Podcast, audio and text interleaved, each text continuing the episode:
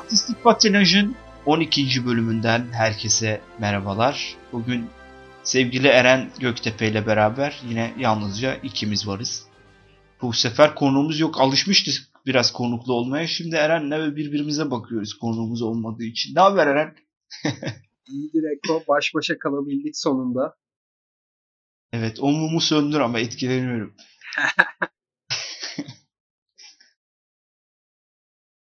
E abi ne var ne yok? Bu böyle sessiz sessiz akmayacağız herhalde değil mi? Yok yok o sırada e, zararlı bir alışkanlığım var onu yapıyordum da ben e, o yüzden bir sessizlik oldu kusura bakma. Valla biraz garip bir dönemimdeyim Ekocum. E, içer, üzerinde yaşadığım toprakların garipliği bana da riayet ediyor olsa gerek. Değişik ruh hallerinden dirayet ediyor olsa gerek. Değişik Sirayet.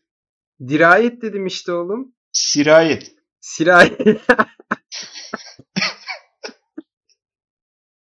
Ya bir kelime üzerinde bu kadar yanlışlık yapılmaz be kardeşim.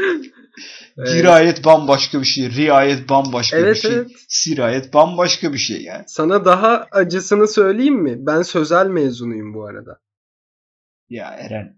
Neyse bunu geçmiş olduğun ruh haline bağlayalım bu talihsiz açıklamanı. Evet ona bağlayalım. Türk lirası gibiyim ya bu aralar Eko'cum. Yani dalgalanmalı dalgalanmalı bir e, modumdayım. Seni sormalı. Sende ne var ne yok? Şimdi kabalık da etmeyeyim. Sana da halini hatırını sorayım. Estağfurullah. Benim aslında bu soruya verdiğim cevabı tahmin edebiliyorsun. İstersen sen söyle cevabı. İç güveysinden hallice. Evet. Buraya alkış efekti. Bildi çünkü. Bildi. İşte partnerlik böyle oluyor arkadaşlar. Gözümün içine baktı anladı. Direkt anladım ya. Yani bir Nelson Marcao, Marka uyum. bir ne bileyim Rozier, Gezal. Fener'de Ya kim puan vardı? tablosuna puan tablosuna bakınca çok da iyi uyumlar değil bunlar ama. Ya işte Neyse şu barbar sporunu konuşmayalım yeter. Hayatımın bir noktasında da şu barbar sporunu konuşmayayım. Hocam büyük pişmanlık ya Barbar Sporu. Ben vallahi yani izlediğim ve aşık olduğum ilk günden beri çok pişmanım. Ama işte aşk yapacak bir şey yok. Ya bence esas zararlı alışkanlık futbol. Çok çok yani e, aslında Ama güzel seviyoruz kendisini. Bırakmak da istemiyorum. Seviyorum kendisini. öyle öyle yani şöyle özünde güzel bir oyun. Yani kendin oynadığında eğlenceli bir oyun. E, işte ne bileyim romantiz türlü romantizmleri, draması olan bir oyun. Fakat abi maalesef ki çok toksik ve çok maskülen bir kesime ait olduğu için e, alacağınız zevkin sayısı biraz azalıyor bu bu nedenlerden dolayı futboldan. Evet az önce toksik diyerek sen de Can Bilge'yi karşına aldın. Can hocama da sevgiler olsun buradan. Peki o zaman yavaş yavaş artık e, bu bölümde ne konuşacağız? Ben yine klasikleşmiş şekilde bu bölümde ne konuşacağız Eren? Hadi bize anlat diyeyim. Ee, bu bölümümüzde şans oyunlarını konuşacağız. Ama şöyle konuşacağız şans oyunlarını. Senden öğrendiğim cümleleri sıralayacağım burada. Sonuçta bu bir olgu, kültürel ve toplumsal bir olgu aynı zamanda. Ee, kolay yoldan parayı bulma, kolay yoldan köşeyi dönmenin üzerindeki şans oyunu etkilerini tartışmaya çalışacağız. Bizim toplumumuzda aslında şans oyunlarının yeri çok eskilere dayanıyor. Hatta ritüelleri de vardı artık kaybolsa da. Biraz bunları hem kültür sanat hem de toplumsal açılardan irdelemeye çalışacağız. Doğru söyleyebildim mi Eko? Elbette ki. Hatta ben senin söylediklerine şunu net bir şekilde ilave edebilirim. Ben hep şunu söylerim. Mesela çatalı nasıl tuttun? İşte bıçakla nasıl kestin? Bunlar da bir kültürdür aslında. Yani yerleşmiş yerleşmiş bir kültürün göstergesidir. Çok geniş kapsamlı. Bunu zaten defalarca kez söyledik. Ucu bucağı olmayan bir şey olduğunu ve hemen hemen her şeyle ilintili bir şey olduğunu. Kültür denilen kavramın. Şimdi burada da mesela bunun artık bu şans oyunları oynamak Türkiye'de bu kadar yaygın bir kültür. Buna işte kültür dememizin sebeplerinden bir tanesi olarak ben şunu net bir şekilde söylerim. Mesela yılbaşı yaklaşıyor. Biz yılbaşında televizyonda haber değeri taşıyan yılbaşı ile alakalı bir takım şeyler olur. İşte görseller izleriz. Türkiye'de ne olup bitiyor yılbaşı yaklaşırken bunu görürüz. Her zaman neyi görürüz abi? Milli piyango. Mutlaka. Mutlaka yani. Böyle bir ritüel var. Şimdi bu haybeden böyle durup dururken hadi yılbaşı geliyor biz milli piyango alalım diye böyle basitleşmiş bir şey değil. Elbette ki bunun bir kökeni var. Bunun bir e, bu olgunun ortaya çıkmasının bir sebebi var. Yani e, bunun bir dayanak noktası var. Biz biraz bunları irdelemeye çalışalım. Ve sen irdelemeye çalışarak başla hadi bakalım. İyi irdeliyoruz bence. Bugün de irdeleyelim hadi. Bence de fena irdelemiyoruz genelde konuları. İstersen ben İrdelemek sana... fiilini hiç bu kadar üst üste kullanmış mıydın? Hiç bu kadar üst üste kullanmamıştım. Ee, bunu da irdeleyelim bir arada. Bak bu da evet. ayrı bir şakam olsun. Ya istersen ben sana şöyle bir güzel bir geri dönüş pası vereyim. Çünkü oraya da bakmamız gerektiğini düşünüyorum. Ee, şimdi Milli Piyango'ya geçmeden önce asıl olgumuz kolay yoldan parayı bulma, köşeyi dönme olgusu. Şimdi e, Can hocamızın e, bize konuk olduğu günde de çok güzel kendi tarif etmişti. Bir şeyi değerlendirirken aslında toplumun ve dönemin koşullarına da bakmamız lazım. E, işte Yavuz Turgul'u değerlendirirken göç olgusunun altını çizmişti Can Hoca. E, köşeyi dönmekte, kolay yoldan para kazanmakta da sadece bizim topraklarımız için de geçerli değil bu. Tüm dünyaya riayet, tüm dünyaya e, etkisi Sirayet. altına etkisi altına almış bir olgudan bahsediyoruz. Şöyle bir durum var hocam. Para çok az kişinin elinde ve elinde olanın çok fazla elinde. Yani e, dünyanın çoğunluğunu aslında senin ve benim de mensubu olduğumuz dar gelirliler hatta yoksullar sınıfına dahil edebiliriz. Ve Amerikan rüyası diye adlandırılan o şatafatlı hayatı yaşamanızın çok e, belirli koşulları var. Ya ünlü olup yani bir şekilde şan şöhret kazanıp e, çok fazla para kazanacaksınız. Ya size bir yerlerden bir fırsat gelecek ve bir iş yaparak e, çok fazla para kazanacaksınız. Ya da e, yasal veya yasa dışı yollara başvurarak e, kumar, şans oyunları, iddia gibi yöntemlerle e, o tanrının elinin değmesiyle yüklü bir paraya sahip olacaksınız. Tabii ki bunun da dramları var içinde. Yani bir istatistik vardı ülkemizle alakalı. Milli Piyango'dan büyük ikramiyeyi kazananların çoğu çok kötü şekillerde ölüyor gibi bir istatistik vardı. Tam da hatırlayamıyorum. Güzel satamayabilirim bu bilgiyi ama içinde kendi dramaları da olan bir olgudan bahsediyoruz. Bunun temelinde bence esas nokta yasal ve yasal olmayan kolay yoldan köşeyi dönme sevdasının temelinde yaşadığımız hayatlar çok yer ediyor. Ya sana şunu sor, sorarak pası vermiş olayım genel toplamda.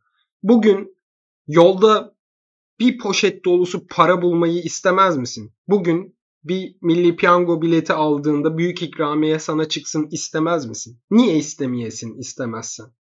Elbette ki ben de herkes gibi bunu isterim derim tabii ki. Kimse o kadar büyük bir parayı reddetmez diye düşünüyorum. Sonuçta çünkü adı üstünde şans oyunu bir şekilde şansın dönmüş oluyor. Şey kısmını ayrıca konuşacağım.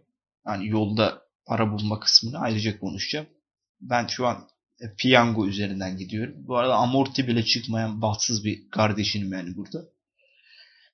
Şimdi şöyle evet herkes bunu ister fakat e, bunu istemesinin sebeplerine böyle inmek lazım. Şimdi sırf ben yılbaşında hadi gideyim de piyango bileti alayım diye yapmaz insanlar bunu. Belki bana çıkar.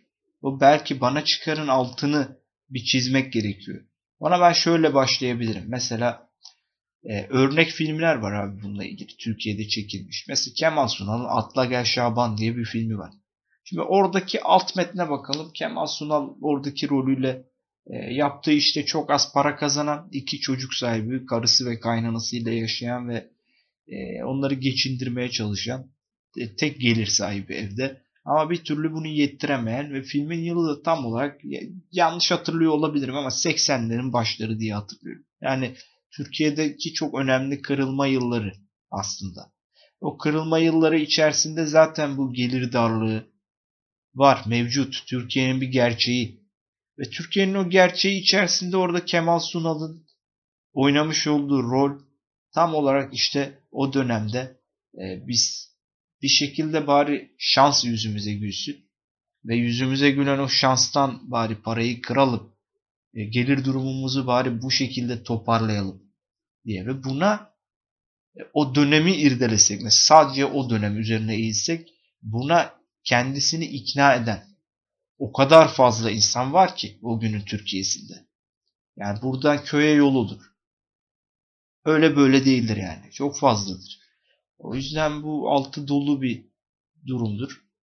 E, tabi bugünlerde niye eskisi gibi revaçta değil o da artık bilmiyorum aslında bak onun üzerine çok kafa yormadım aslında. O da konuşulabilir bir meseleymiş. Niye mesela bugün sanki biraz rağbet azalmış gibi Niye buna bu rağbet biraz azalmış olabilir? Umudunu mu yitirdi artık insanlar? Bu sefer de belki bana çıkardansa nasıl olsa çıkmaz psikolojisi mi daha hakim acaba?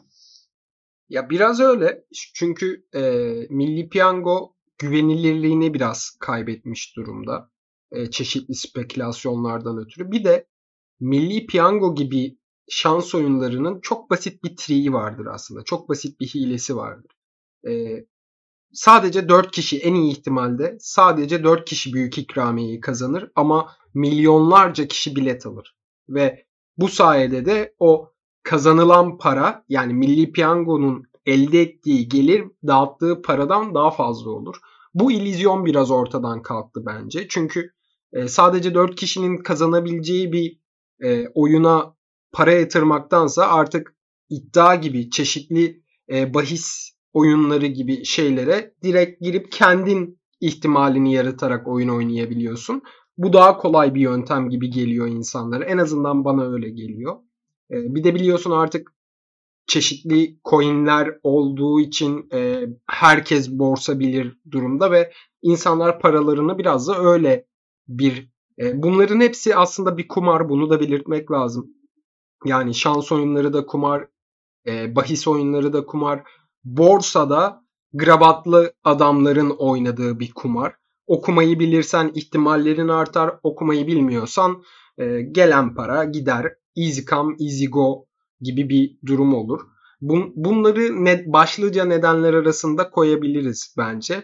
Bir de şey çok hoşuma gitti. Onu da yani aklıma geldi sen konuşurken. Sana da bir sorayım. E, Atla Gel Şaban'ı ben biraz şeye benzetiyorum.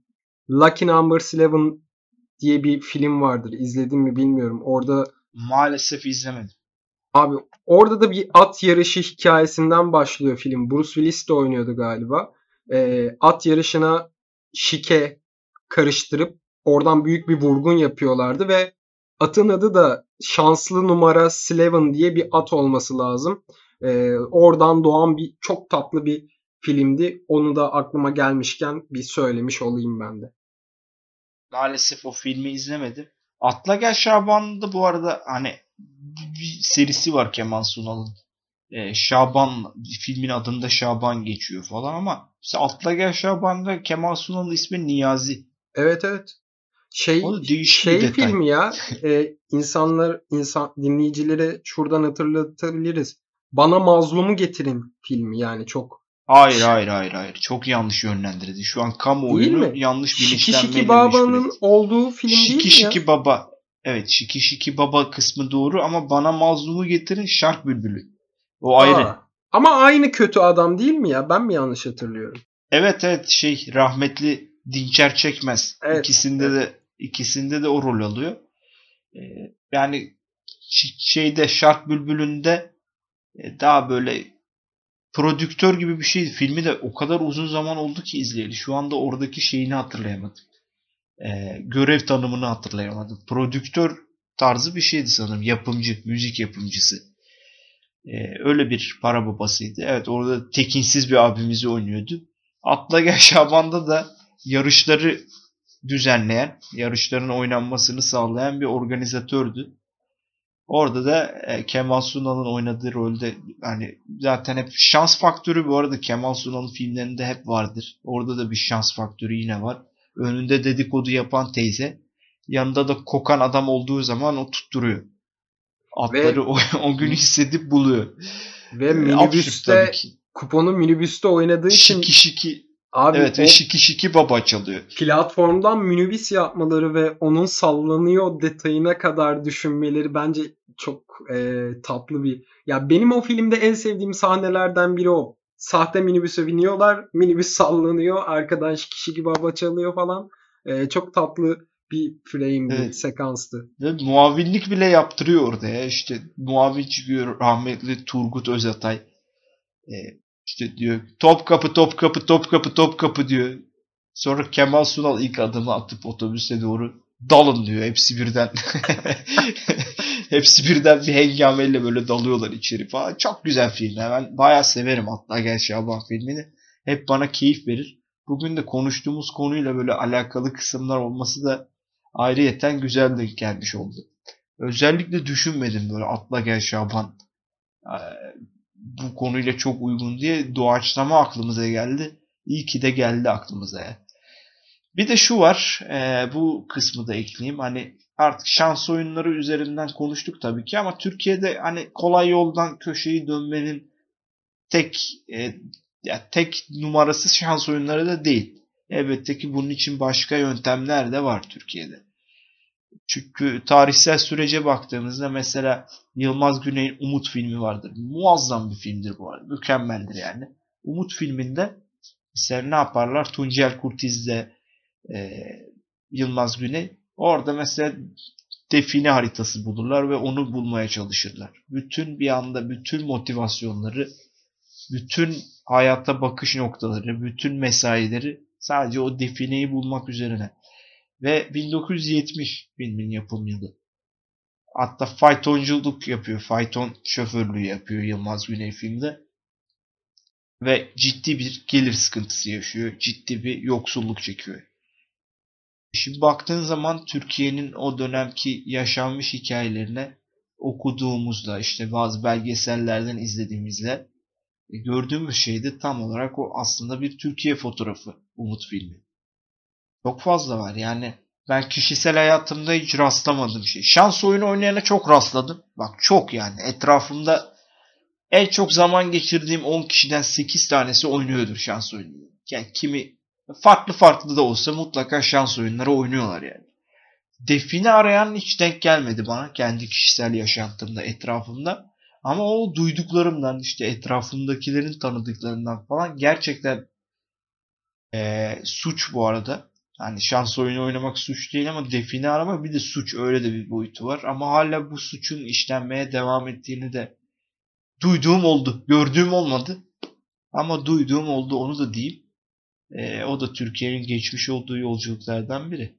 Ben sana daha acısını söyleyeyim. Bu suça direkt e, Türkiye Cumhuriyeti Devleti kendi de dahil olarak bir söylenti üzerine bilmem kaç yüz yıllık dipsiz gölü kazdılar ve ardından da dipsiz gölde defile olmadığı ortaya çıkınca da tekrardan oraya su doldurup bir çamur deryasını bizlere kazandırdılar. Buradan e, tüm yetkililere de sevgilerimizi, saygılarımızı göndermiş olalım. Evet bu ofansif ataktan sonra konuyu şuradan da ele almak istiyorum. Bunu da söylemezsem böyle içimde kalacağı için yani film örneklerinden girdik biliyorum. Film bizim zaten yumuşak karnımız, zayıf noktamız. Ee, böyle zincirleme bir şekilde akla geldi işte Muhsin Bey geldi akla. Can'ın Can'ın bu bölümde çok adını almış olduk bu arada. Can'ın konuk olduğu bölümde Muhsin Bey'i konuştuk mesela. Muhsin Bey'e bir yer ayırmıştık. Orada Muhsin Bey'de Can güzel özetlemişti oradaki sosyolojik yapıyı. Mesela neydi orada? Şener Şen biraz daha idealist bir rol oynuyordu. Müzik yapmak istiyordu ama bunu daha idealist bir şekilde, daha elitist bir şekilde yapmak istiyordu. Ama Uğur Yücel orada Türkiye'nin o dönemki ortalama insanının kendisiydi. Kırsaldan yeni göç etmiş büyük kente arabesk akımı var. Arabesk furyası var. Arabesk kaset çıkaranlar para kazanıyor. E, arabesk şarkı söyleyenler gazinolarda, pavyonlarda sahne alabiliyor. Parasını kazanabiliyor. Uğur Yücel de ısrarla buna direten bir rolü oynuyordu. Bu da akla gelen bir örnek sayısı artsın diye söylemiş olayım bunu da. Tabii ki bundan ziyade biraz da söylemezsem içimde kalır diye o itirafta da bulunmuş olayım. Örnekleri çok çoğaltabiliriz. Bu sadece şans oyunları değil, kolay yoldan para bulmayı düşündüğümüz zaman aslında hemen hemen birçok filmde rastlayacağımız bir olgu bu. Çünkü şunu bir kere daha söylemekte fayda var. Yani o ayrıcalıklı sınıf dünya nüfusunun yüzde sadece birlik bir bölümü abi. Geriye kalan herkes aslında ortalama veya daha düşük sınıfa ait. O yüzden hepimiz e, daha fazla kolay yoldan veya bir yoldan para bulmak istiyoruz. O yüzden o tür hikayelere daha çok merak sarıyoruz. Yani Dostoyevski'nin Kumarbaz kitabı vardır. Okumuş musundur bilmem. O, o da kendinden yola çıkarak yazmıştır bunu. Çünkü Dostoyevski de ne kadar yazar olursa olsun ve e, Çarlık Rusyası'nda ne kadar yazarlara bir ücret ödeniyor olursa olsun iyi koşullarda yaşamayan bir yazardır ve bu yüzden de kumar oynar. Kumar bağımlılığı vardır. Tabii ki şeyi bir kenara koymak lazım. Kumar bağımlılığıyla kumara medet ummak arasında e, farklı bir e, ruh hali söz, söz konusu. Tabii bir tabii an, ciddi. Tabii bir yanda bir adrenalin ve o hazla kendini tatmin etme e, ihtiyacı görüyorsun. Diğer tarafta ise haz ve adrenalin tamamen geri planda sadece parayı kazanıp kendini e, rahat bir hayata sokmak istiyorsun. Oradaki o farkı da gö- görmemiz lazım tabii ki. Onu da reddetmeyelim yani. Umut dünyası. Hatta bak şöyle ilave yapmış olayım şunu. Mesela çok güzel tanımladın. ikisi arasındaki farkı çok iyi anlattın. Bir tanesinde hani o adrenalin o adrenalin kısmında zaten oynadığı kumardan büyük vurgunu yapsa bile bunu sonra tekrar kumar oynayacak.